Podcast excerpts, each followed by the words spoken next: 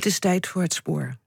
Afgelopen zomer, op 10 augustus, overleed onze zeer gewaardeerde collega Lida Iburg. Na een carrière als fotograaf en redacteur bij de talkshow van Sonja Barend kwam ze in 1984 in dienst als programmamaker bij de VPRO. Tot haar pensionering maakte Lida Iburg ontelbare, prachtige documentaires voor programma's als Het Spoor Terug, Het Gebouw, Aardse Zaken, de documentaire op vijf en presenteerde ze onder andere Villa VPRO. In 1995 maakte ze met medewerking van Koen Verbraak, die toen nog aan het begin stond van zijn imposante carrière, de serie 100 jaar cabaret, 100 jaar censuur. Deze zomer kunt u opnieuw de serie over verboden liedjes en teksten horen in onze spoorserie. Vandaag deel 2. Je leeft maar heel kort, maar een enkele keer. En als je straks anders wilt, kun je niet meer. Mens durft te leven. Vraag niet elke dag van je korte bestaan. Hoe heeft er mijn pa en mijn opa gedaan? Hoe doet er mijn neef en hoe doet er mijn vriend? En wie weet hoe of dat nou de wereld weer vindt? En wat heeft het fatsoen voorgeschreven? Mens durft te leven. Een eeuw cabaret en een eeuw censuur. Het eerste optreden van Eduard Jacobs in 1895 wordt bestempeld als de start van het cabaret in Nederland. Sommige cabaretteksten zijn al een eeuw een bron van ergernis voor andersdenkenden. En er was dan ook censuur. Wij hebben ons in deze uitzendingen voornamelijk beperkt tot de censuur op cabaretliedjes. En we laten die liedjes ook horen. Vorige week hadden we het uitgebreid over de vooroorlogse situatie...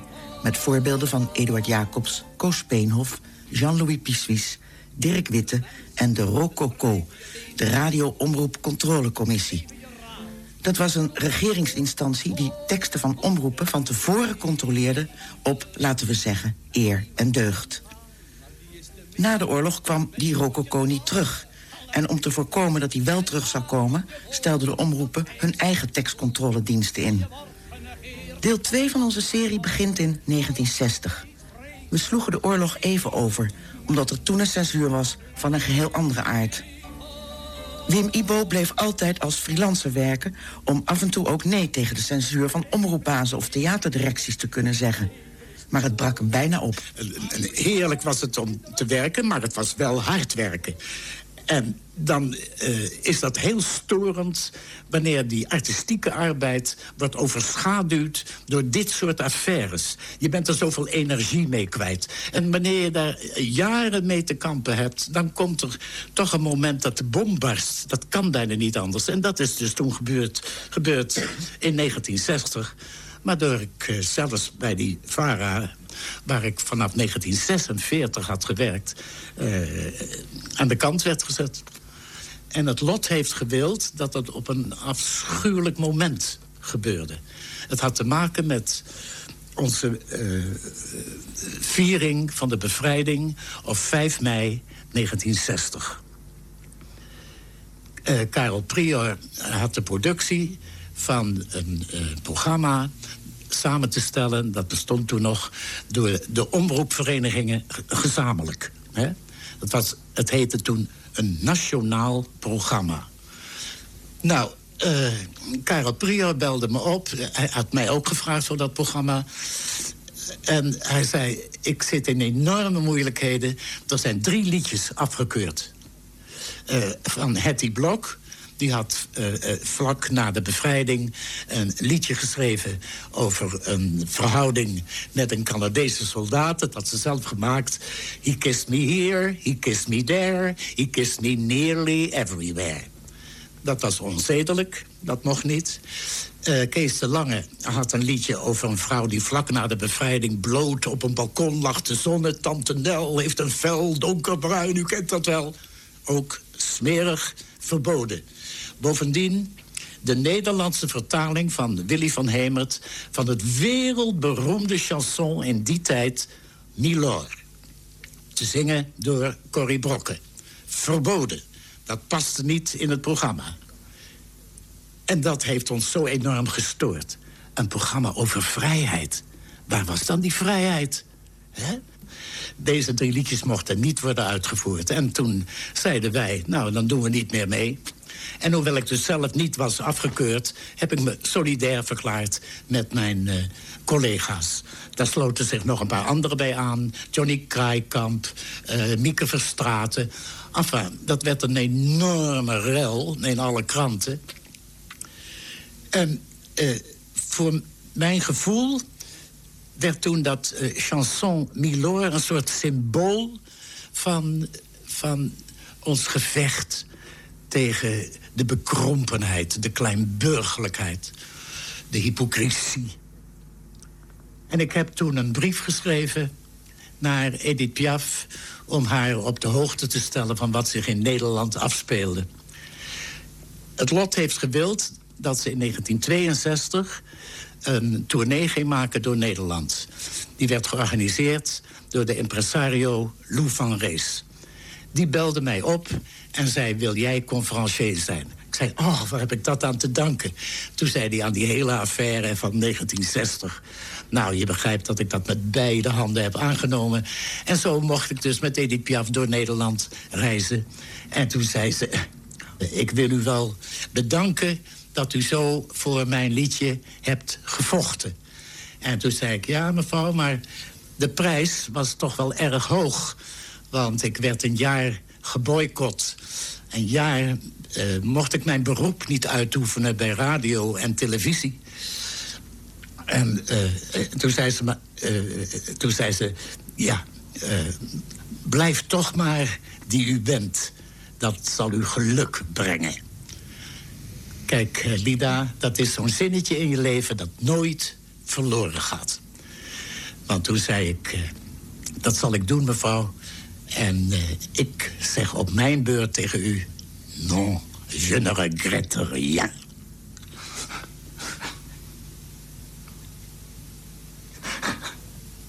Wat gek. Na al die jaren. Is dat niet gek? Hebben de emoties ook te maken met dat boycott een heel jaar lang? Na natuurlijk wel. Natuurlijk. Maar dat is een, uh, was een geheim besluit. Dus in een geheime vergadering hebben de gezamenlijke omroepverenigingen besloten... om een aantal mensen op deze wijze te straffen... omdat ze contractbreuk hadden gepleegd. Ja, en dus een aantal mensen uh, aan de zijkant gezet. Johnny Krijkamp ook? Ja, ja. Uh, Johnny en ik uh, kregen dus een, een jaar straf.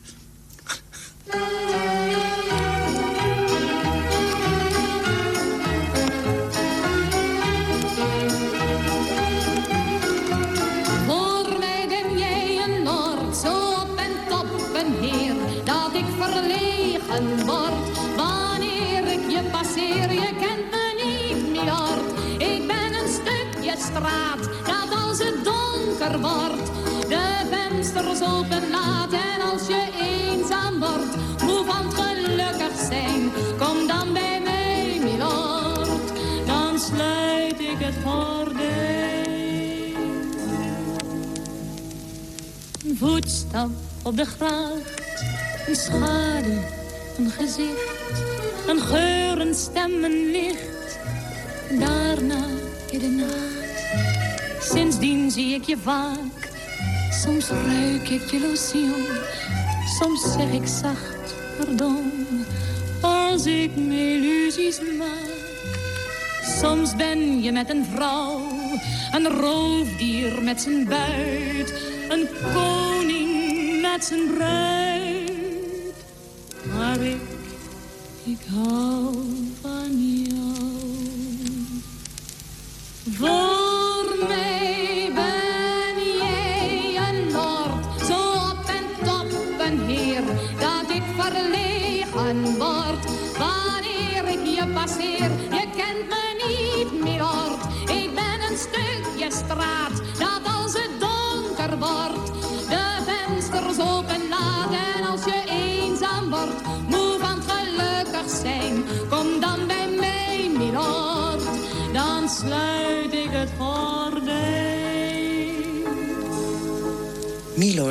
de vertaling van Willy van Hemert en gezongen door Corrie Brokken, verboden in 1960.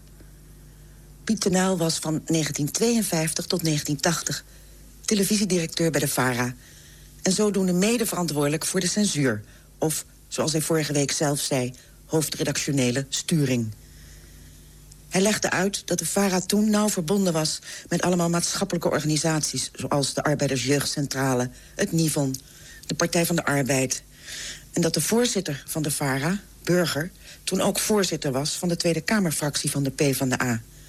Hij moest dus ook rekening houden met al die mensen. Het was hun VARA. Hij bekende vorige week dat de VARA in die tijd een preutse instelling had... en dat woorden of liedjes die naar drank verwezen... helemaal uit hun boze waren omdat drank een groot kwaad was in de arbeidersbeweging.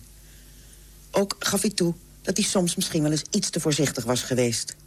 Hij was niet tegen uitzenden van Milor, maar de NCRV en de KRO wel. En zo'n gezamenlijk programma krijgt dan te maken met veel uiteenlopende normen en waarden. Maar met de boycott van IBO deed de VARA wel mee. Uh, ik moet zeggen, ik heb dat toen uh, ook echt een afschuwelijke blamage gevonden. Ik heb daar heel erg veel moeite mee gehad. Intern uiteraard ook over gesproken. Maar ja, er was toen op dat moment van de zijde van... Uh, in de eerste plaats uh, de NCRV en de KRO. Maar hoe het precies lag in die periode, dat weet ik ook niet hoor. Afro speelde ook vaak een rol toch wel in, op dat vlak. Er was een enorme weerstand tegen deze zaken. Men vond het nadan. Het paste niet. Nou, dus, laten we, één ding uh, nu gezegd hebben... en dan hoeven we dat niet meer te zeggen. Uh, er zijn in de tijd waar we het nu over hebben... er zijn van de zijde van de programmaleiding... op een aantal gronden waar ik het over gehad heb... niet helemaal onbegrijpelijk misschien... maar er zijn dus heel duidelijk fouten gemaakt. En als je het in zijn totaal overziet in de achteruitkijkspiegel... met normen en waarden die we op dit moment hebben... dan is het natuurlijk volkomen belachelijk. Terwijl Milor al heel erg beroemd was geworden door Edith Piaf. En dat werd overal gedraaid. Ja. Maar ja, dat was Frans. Dat wou ik net zeggen. Er zit natuurlijk in al deze zaken ook zo'n ontzagwekkende hypocrisie was inderdaad Frans. Dat verzond niemand. Niemand wist waar het over ging. Het was een muzikaal mooi liedje. En de klank van, uh, van de woorden was ook nog uh, mooi. En, uh... Niemand die vermoedde dat het over prostitutie ging. Ja, zo is dat. Ja. De boycott van Wim Ibo duurde niet het hele jaar. na 14 jaar voor de VARA te hebben gewerkt, hè, vanaf 1946... werd ik dus gewoon aan de kant gezet. En er is één stem geweest in die nationale programmacommissie...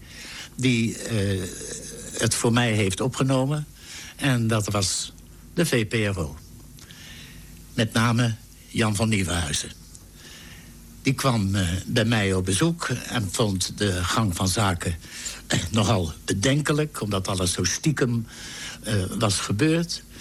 En die heeft voor elkaar weten te krijgen dat hij die boycott heeft uh, doorbroken.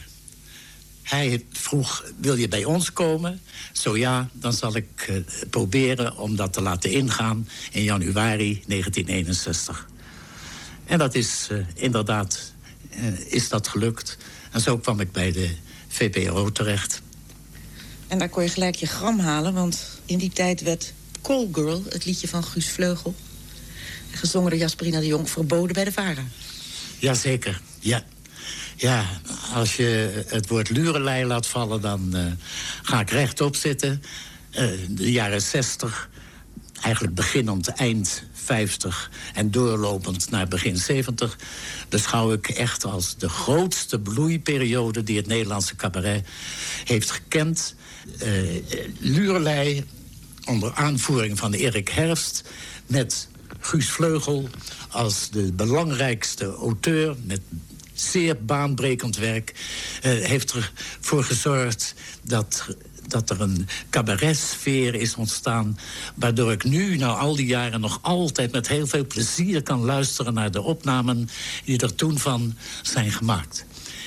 Een van de liedjes waar ook weer erg veel over te doen is geweest... was Call Girl. Telemiep de Call Girl. Dan komen we toch iedere keer ook weer op die prostitutie terug, hè? Ja, weer, weer een voorbeeld van... Uh, maar net doen alsof Nederlanders nooit prostitutie bedrijven. Hè? Keurig, net, beschaafd volkje. Nou, uh, Guus Vleugel heeft daar een schitterend parodistisch nummer van gemaakt. En ja, wonderlijk genoeg was het Pieter Nuil... die dat liedje verbood in een televisieuitzending van Durelei. En, hè, heel merkwaardig. Nou, ik had in die tijd bij de VPRO mijn zogenaamde cabaretchroniek. En ik riep dus tegen Durelei, kom maar bij mij hoor, dan mag het wel. Maar daar had ik me een klein beetje op verkeken. Want ze moesten daar toch eventjes over denken. Dominee Spelberg, hè? Dat waren drie dominees, kwamen in vergadering bijeen. Dominee Spelberg, uh, dominee toen nog Jan van Nieuwenhuizen en dominee van Houten. Die hebben die tekst doorgenomen en die zeiden van... ja, dit moeten we inderdaad uitzenden... maar we kunnen ons voorstellen dat er uh, kijkers zijn... die zich misschien gekwetst zouden voelen. Laten wij dus bij voorbaat al een excuusbrief maken... En mag ik even dat excuus van Spelberg, dat ik dus ken... dankzij Jan van Nieuwenhuizen, even voorlezen? Dominee Spelberg formuleerde dus uh, de eventuele uh, reactie op eventuele kritiek van kijkers als volgt. Deze jonge vrouw belt in haar radeloze eenzaamheid de brandweer het nummer van het weerbericht of de tijdmelding. Hier past menselijk mededogen. Hallo. Met wie zegt u? Albert? Albert? Ach, natuurlijk, Albert. Ja, natuurlijk kan ik je nog zeggen. Stel je voor, ik zal me daar Albert niet meer kunnen, hè? Mijn eigen Albert, mag ik wel zeggen. Wat hoef ik zit te doen? Nou, uh, niks, hè. Ik zit net wat te lezen in het leesboek van Harry Mullis, weet je wel. Ja, nou, reuze boeiend hoor, ja. Maar uh, Albert, er uh, zijn er een paar dingetjes in dat boek, hè, Albert. Die, uh, die, die zijn me nog niet geheel en al duidelijk. zeg, Albert, zou jij me die niet eens een keertje uit kunnen liggen? Morgenavond half acht in de Schillerbar. Day. Als de eenzaamheid gaat schrijnen, belt een heer naar Telemiep. Want dan gaat de zon weer schijnen, ook al schijnt hij in het geniep. Telemiep die heeft drie lijnen, maar dat valt niet altijd mee. Hoor die kringen weer eens dreinen. Ja, ze rinkelen night and day, night and day. What the been? Only you beneath the moon and under the sun. There's near to me or far, no matter, darling, who you are. I think of you night and day. Het beroep van callgirl-meisjes is zo enig voor een vrouw. Het is altijd weer wat anders en zoiets verveelt niet gauw. Oh, je kent zo dolgezellig, zitten bomen aan de bar. Met een leuke jonge kerel of een leuke oude knar. Maar soms voel je je verlaten, smiddags om een uur of drie. En dan zou je willen praten. En dan weet je niet met wie. En dan zit je maar te pijnsen. Met een afgezakt gezicht. En dan bel je maar de brandweer.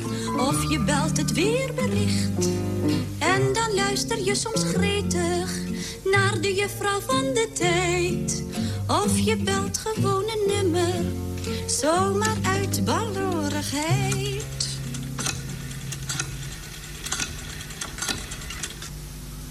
Hallo? Met wie spreek ik, zegt u? Aha, mevrouw de Meijer. Zou ik eventjes uw man kunnen spreken? Het is heel dringend. Oh, heb u geen man? Nou, dan hebben we allebei pech gehad, hè? Dag, mevrouw de Meijer. Ik ben geen snalgul, maar ik ben kolgul. Zo'n kleine, fijne porseleinen baby dollgirl. Zo heel wat anders dan een lellebel. Want ik ben een belledel. Ik ben zo dol op elk goed gesprek, meneer. Dus u zal zeggen wat een snoezig type. Telemiep, de callgirl. De Callgirl, geschreven door Guus Vleugel. De muziek is van Han Reiziger. En het werd gezongen door Jasperina de Jong. Alle reacties op dat lied verrasten de tekstschrijver Guus Vleugel. Koen Verbraak praat met hem hierover in een Amsterdams etablissement. Erik had het idee om een nummer te maken over een callgirl. Want dat was in die tijd, en dat zal u eh, echt raar in oor klinken... maar dat was toen een nieuw begrip. dat kende men helemaal niet. Dit- Dat, dat schiet me nu ineens te binnen. Waarom was dat? Dat was nieuw. Dat wist u niet, hè? Dat je naar Amerikaans voorbeeld... chique hoekers, kan je zeggen. Hoekers hebben ze laten gaan noemen, hè? Hoekers. Onder het eh, eh, motto het gemak dient de mens. Ja, precies. En ik begrijp zelf nog eigenlijk niet waar dat nummer over gaat, Call Girl. Maar het had een enorm succes, kan ik alleen maar zeggen. en er wordt, ook nog, er wordt ook eigenlijk wel een vaag moralistisch tintje aangeslagen in dat lied, hoor. Dat vind ik zelf. Eh, want eh, ja, als ik me goed herinner... Als de eenzaamheid gaat schrijnen, gaat, gaat een heer naar Telemiep. Want dan gaat de zon weer schijnen, ook al schijnt die in het geniep. Dat is toch buitengewoon moralistisch. En dat wilde ik helemaal niet zijn. En dit is eigenlijk het, meteen het eerste liedje. Nu, toch, zijn we meteen bij uw onderwerp. Want dat Call Girl mocht absoluut niet op de televisie. Dat was eh, forbidden territory. Dat kon helemaal niet over de prostitutie. Mocht niet eens eh, eh, serieus, maar zeker niet in railleerende zin eh, over eh, gesproken worden. Mag niet over gerept worden. Hè? Dat weet, weet u misschien in die tijd. Callgirl mocht niet op de televisie van Piet Tenaal. Nu lijkt het erop alsof hij de enige boosdoener is aan de VARA. Maar bij de KRO, NCRV en AVRO werd ook van alles verboden. Maar de verantwoordelijken voor de censuur daar zijn of overleden... of wilden niet praten, of kunnen zich niets meer herinneren. Dus terug naar Piet Tenaal. Ja, dat is het wonderbaarlijke, Nida. Ik word achtervolgd met een beslissing ten aanzien van Congo... waarvan ik absoluut niet weet dat ik hem genomen heb. Maar je had natuurlijk te maken met eh, die eh, weinige ruimte die aan de programmaleiding eh, gegeven werd... door het hele bestel, door eh, de Verenigingsdemocratie en omroeporganisaties enzovoort. Er was tamelijk weinig ruimte. Ja, ik kan het je niet meer herinneren, maar ik heb ergens in een hele oude scriptie zelfs gelezen wat je erover gezegd hebt, over het verbod. Je schijnt gezegd te hebben. Laat eens, laat eens horen. Ja, je schijnt gezegd te hebben. Kijk, een onderwerp als dit, prostitutie, kan wel in een toneelstuk van Sartre, maar niet in een cabaretprogramma of amusementsprogramma. Gaat er nog geen lichtje stilte- Mag ik branden? deze stilte even in laten werken? Want dan laat ik het tegelijkertijd bij mezelf ook inwerken. Waarachtig.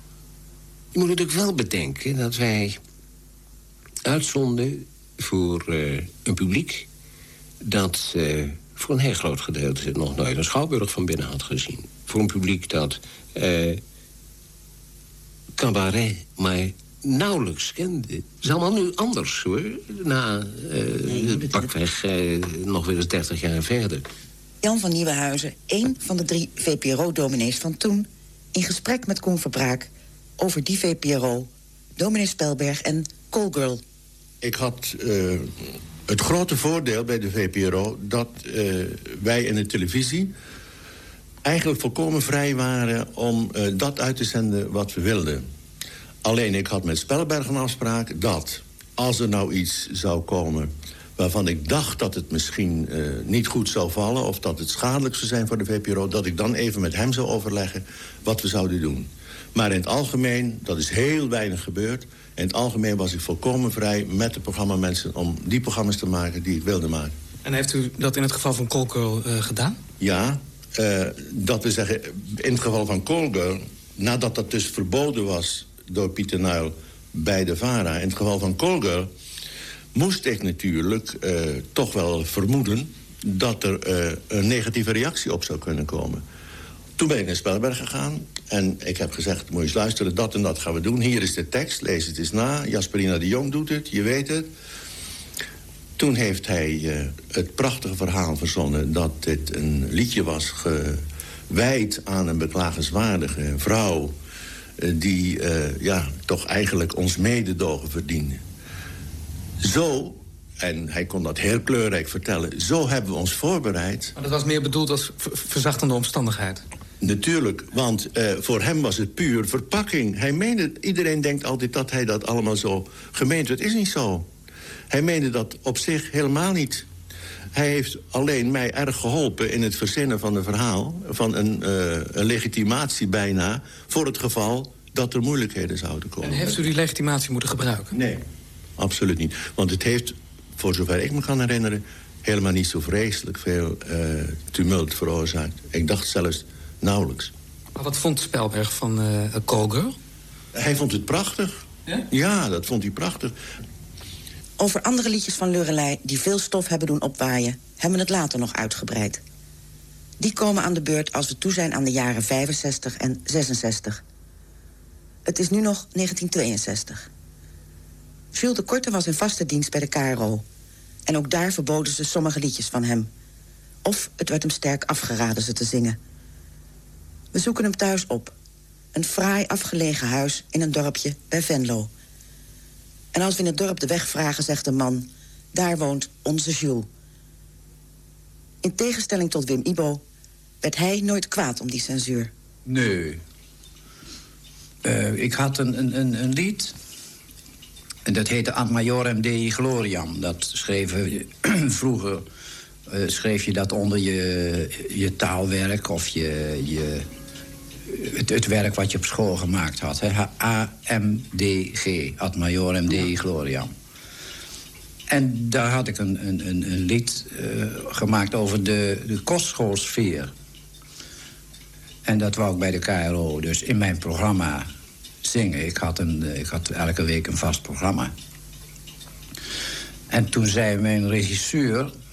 zou je dat nou wel doen? Dat, uh, ja, misschien vinden ze dat boven toch niet. En boven, dat was dan niet ons liveer. Dat was de programmaleiding. Die zaten ook boven, tussen ons en ons liveer in. En uh, toen ging mijn regisseur ging naar boven om eens te vragen wat hij ervan vonden. En die zei... Ik zou het niet doen. Ik zou het niet doen. Misschien dat je er toch wel mensen mee kwetst. Nou ja, toen dacht ik, ach... Ja, nou, dan doen we het niet, klaar. Ik heb het overigens uh, in mijn programma's in het theater altijd volop gezongen, hoor. Het was niet het enige nummer waarvan ze zeiden dat het beter maar niet kon. Nee, het bruidspaar was ook zoiets. Maar dat mocht echt niet. Dat mocht echt niet. Waarom niet? Nou, omdat daar uh, in kwam van... Uh, uh, hoe is dat ook weer? Die mensen die zaten in hun kerken om God te danken voor hun spijkerhard geloof. Ja, maar het waren wel mensen die eerst een echtpaar helemaal in de kou hadden laten staan. Ja, zeker. Het ging over een echtpaar dat... een paar mensen dat moest trouwen. Heet, dat ging vroeger zo, hè. Als je... Ja. Uh, en die, uh, ja, iedereen liet ze vallen. En die mensen zaten zondags in de kerk te bidden... om God te danken voor hun spijkerhard geloof. En toen dat verboden werd... krijg je dan toch niet de pest in? Mm, ja, uh, ik geloof dat we toch nog gezongen hebben voor het... voor de, het ICOR heette dat toen. Maar daar mocht ik zelf mijn liedjes niet zingen. Want ik was in vaste dienst bij de KRO en er stond uh, in mijn contract dat ik uh, wel voor andere omroepen iets mocht maken. En uh, ook wel iets mocht begeleiden, als ik dan maar niet zei dat ik het was. en iemand anders moest dat dan zingen. En dat heeft Gertom van Wageningen toen gedaan. Voor Wim Ibo is het verboden liedje Het Bruidspaar... om persoonlijke redenen een van zijn lievelingsliedjes. Ach ja, Jules de Korte. Die heeft het ook niet makkelijk gehad. Die was in vaste dienst bij de KRO. Dus moest hij gewillig toestaan dat allerlei schitterende nummers uit zijn repertoire eh, werden verboden door zijn werkgever. En daar is onder andere bij een van mijn zeer favoriete liedjes... Het Bruidspaar. Het liedje is me dierbaar om zeer persoonlijke redenen. Ik, mijn ouders trouwden op 30 november 1917... en ik werd geboren op 10 april 1918.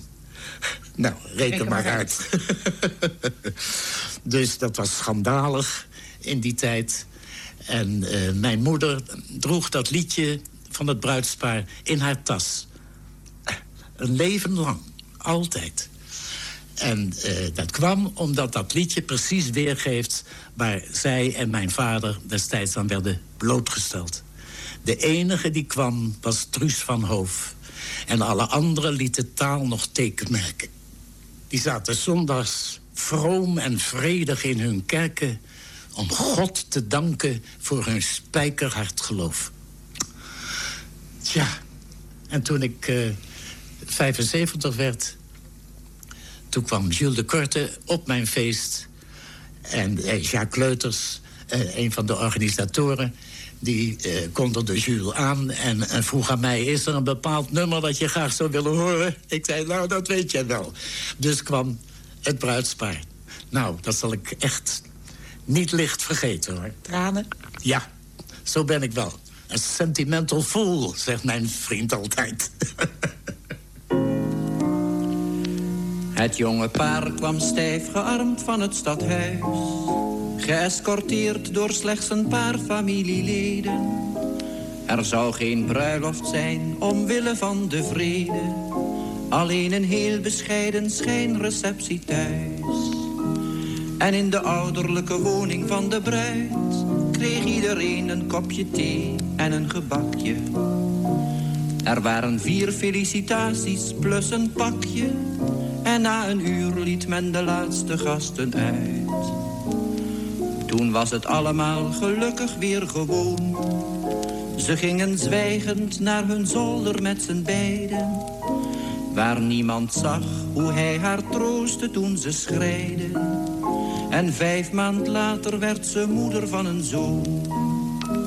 Die kreeg de namen van papa aan vaders kant. Als een gebaar van goede wil aan de familie. Men stuurde kaartjes rond naar ieders domicilie... en plaatste voort zijn advertentie in de krant. Wel nu, de enige die kwam was Truus van Hoof. En alle anderen lieten taal nog tekenmerken. Die zaten zondags vroom en vredig in hun kerken. Om God te danken voor hun spijkerhard geloof. ik, ik, ik, begrijp wel hoe dat werkte, dat dat niet mocht. Dat wil niet zeggen dat ik er daarom niet achter stond wat ik zong. En dat is ook... Uh, ja, dat is ook gevallen, hè. Ik bedoel, tegenwoordig uh, kun je het zo gek niet meer maken of het mag. Ik heb ook eens uh, een keer een, een, een lied gezongen voor de NCRV-televisie. En dat was het lied van... Ik heb een half uur bij de poort gekeken... die aan het eind ligt van het, van het laatste pad. Er ging een man doorheen die kanker had... naast een oud vrouwtje aan de tijd bezweken. En toen uh, ging het erover of dat wel kon. Er ging een man doorheen die kanker had. Want ja, dat was toch... Als mensen dat hoorden en die waren dan toevallig ziek... was dat misschien toch wel erg... Uh... En ik kan me dat wel voorstellen, hoor. Ja, het is natuurlijk wel de realiteit. Ja. En ik heb ook nog eens meegemaakt, was ook bij de SCRV... dat ik een liedje had en er kwam het woord waarachtig in. En dat mocht toen niet voor de NCRV, want er was er maar één waarachtig, zei ze. Nou ja, goed, dan maak ik er warempel van. Maar ik had dat ingestudeerd. Dus ja, daar, bij elke repetitie ging dat mis, hè. En toen was generale repetitie en ik deed het weer fout. En toen stampte die man op de grond en die zei... Godverdomme, er is er maar één waarachtig. Uh, meneer Ibo vertelde mij dat hij u gevraagd had... op te treden voor een kerstmatinee bij de COC. Uit den boze. Ja, dat, en ik heb dat heel... Nou ja, heel argeloos. Natuurlijk, eh, natuurlijk zou ik komen. En toen werd ik een keer opgebeld door uh, diezelfde programmaleider van de KRO. En die zei van, kunnen wij even bij u langskomen? Ik zei, ja, natuurlijk. Ik dacht, wij? Maar eh, inderdaad kwamen ze met drie man sterk. Kwamen ze in mijn eenvoudige flatje in Hilversum. En uh, zei je van, we hebben vernomen dat, uh, dat u gaat optreden voor het COC. En dat kan helemaal niet. Want uh, ja, dat, die mensen hebben een, een, een, dusdanige immorele enzovoort enzovoort. Ik zei, ja, maar ik heb, ik heb dat toegezegd. Ja, nou ja, als je dat doet... dan zal ongetwijfeld je contract bij de KRO niet worden verlengd. En toen dacht ik, ja, dat is natuurlijk toch wel vervelend. Dus toen heb ik een brief geschreven aan het COC en gezegd van... jongens, ik zit, met, uh, ik zit goed in de knoop, dus onthef mij nou van, van die verplichting. Dan kom ik volgend jaar voor niks bij jullie zingen. En dat heb ik gedaan. Hij had het namelijk, ze hadden het gehoord van een pastoor. Ik zei ik nog, dan is hij zeker lid. Nou, dat had ik natuurlijk nooit mogen zeggen. Op een gegeven moment is Fonogram ook slim geweest. Want die heeft voor u een speciale plaat uitgebracht. Liedjes die eigenlijk niet mogen. Ja, ja. Maar bij Fonogram mocht ook niet alles. Ik weet nog dat ik een liedje had, het heette Draagbare Radio's. En daar ging de, de producer die ging ook naar boven. Of nou, in ieder geval naar een andere kamer waar de hoge heren zaten. Of misschien ook wel dames, dat weet ik niet. En toen zei ze, nee, dat liedje kan niet van die draagbare radio's. Want toen, uh, ja, mensen die er één hadden, die hadden er één. En de, de opzet was natuurlijk dat iedereen in Nederland... Uh, vier of vijf van die dingen zou kopen. En dat is inmiddels gerealiseerd en nou mag het.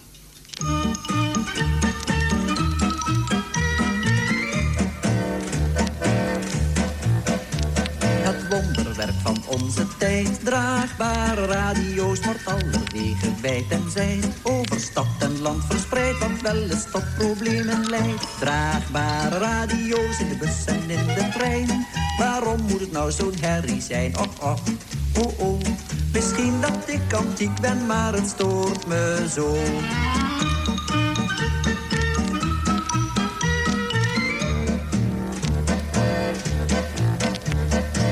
Naar hier, van hier naar huis. Draagbare radio's, zachtjes piepend als een muis. Maar brutaal met fel gedruis, als het kon bleef ik er heus voor thuis. Draagbare radio's langs de weg en in de laan.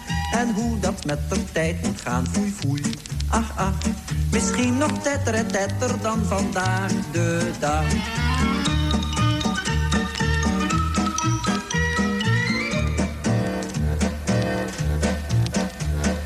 Valkenburg tot Amberstol, draagbare radio's voor jongens, meisjes, wat een lol. Niets te dwaas en niets te dol en straks de hele wereld vol. Draagbare radio's aan het strand en op de hei. Er kan nog best wat herrie bij, nou nou, nee nee. Het mankeert ons nog alleen een miniatuur tv.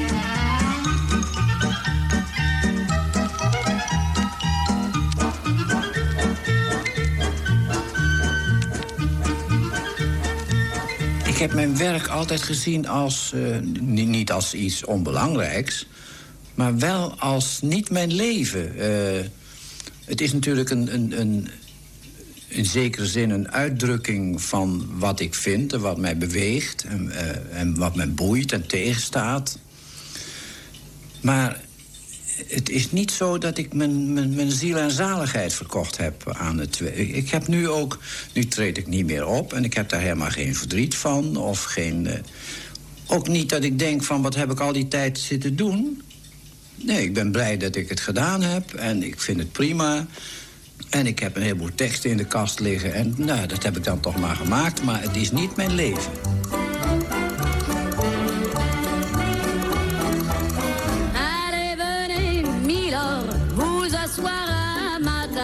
Il fait si froid dehors. Ici, c'est confortable. Laissez-vous faire, Milord. Et prenez bien vos aises, vos peines sur mon cœur. Ja, u hoorde het tweede deel van de serie 100 jaar cabaret, 100 jaar censuur. Gemaakt door onze vorig jaar in augustus overleden collega Lida Iburg... met interviewbijdrages van Koen Verbraak. Volgende week in deel 3 onder meer de rel rond het liedje Arme Ouwe... over koningin Juliana, gezongen door Gerard Cox.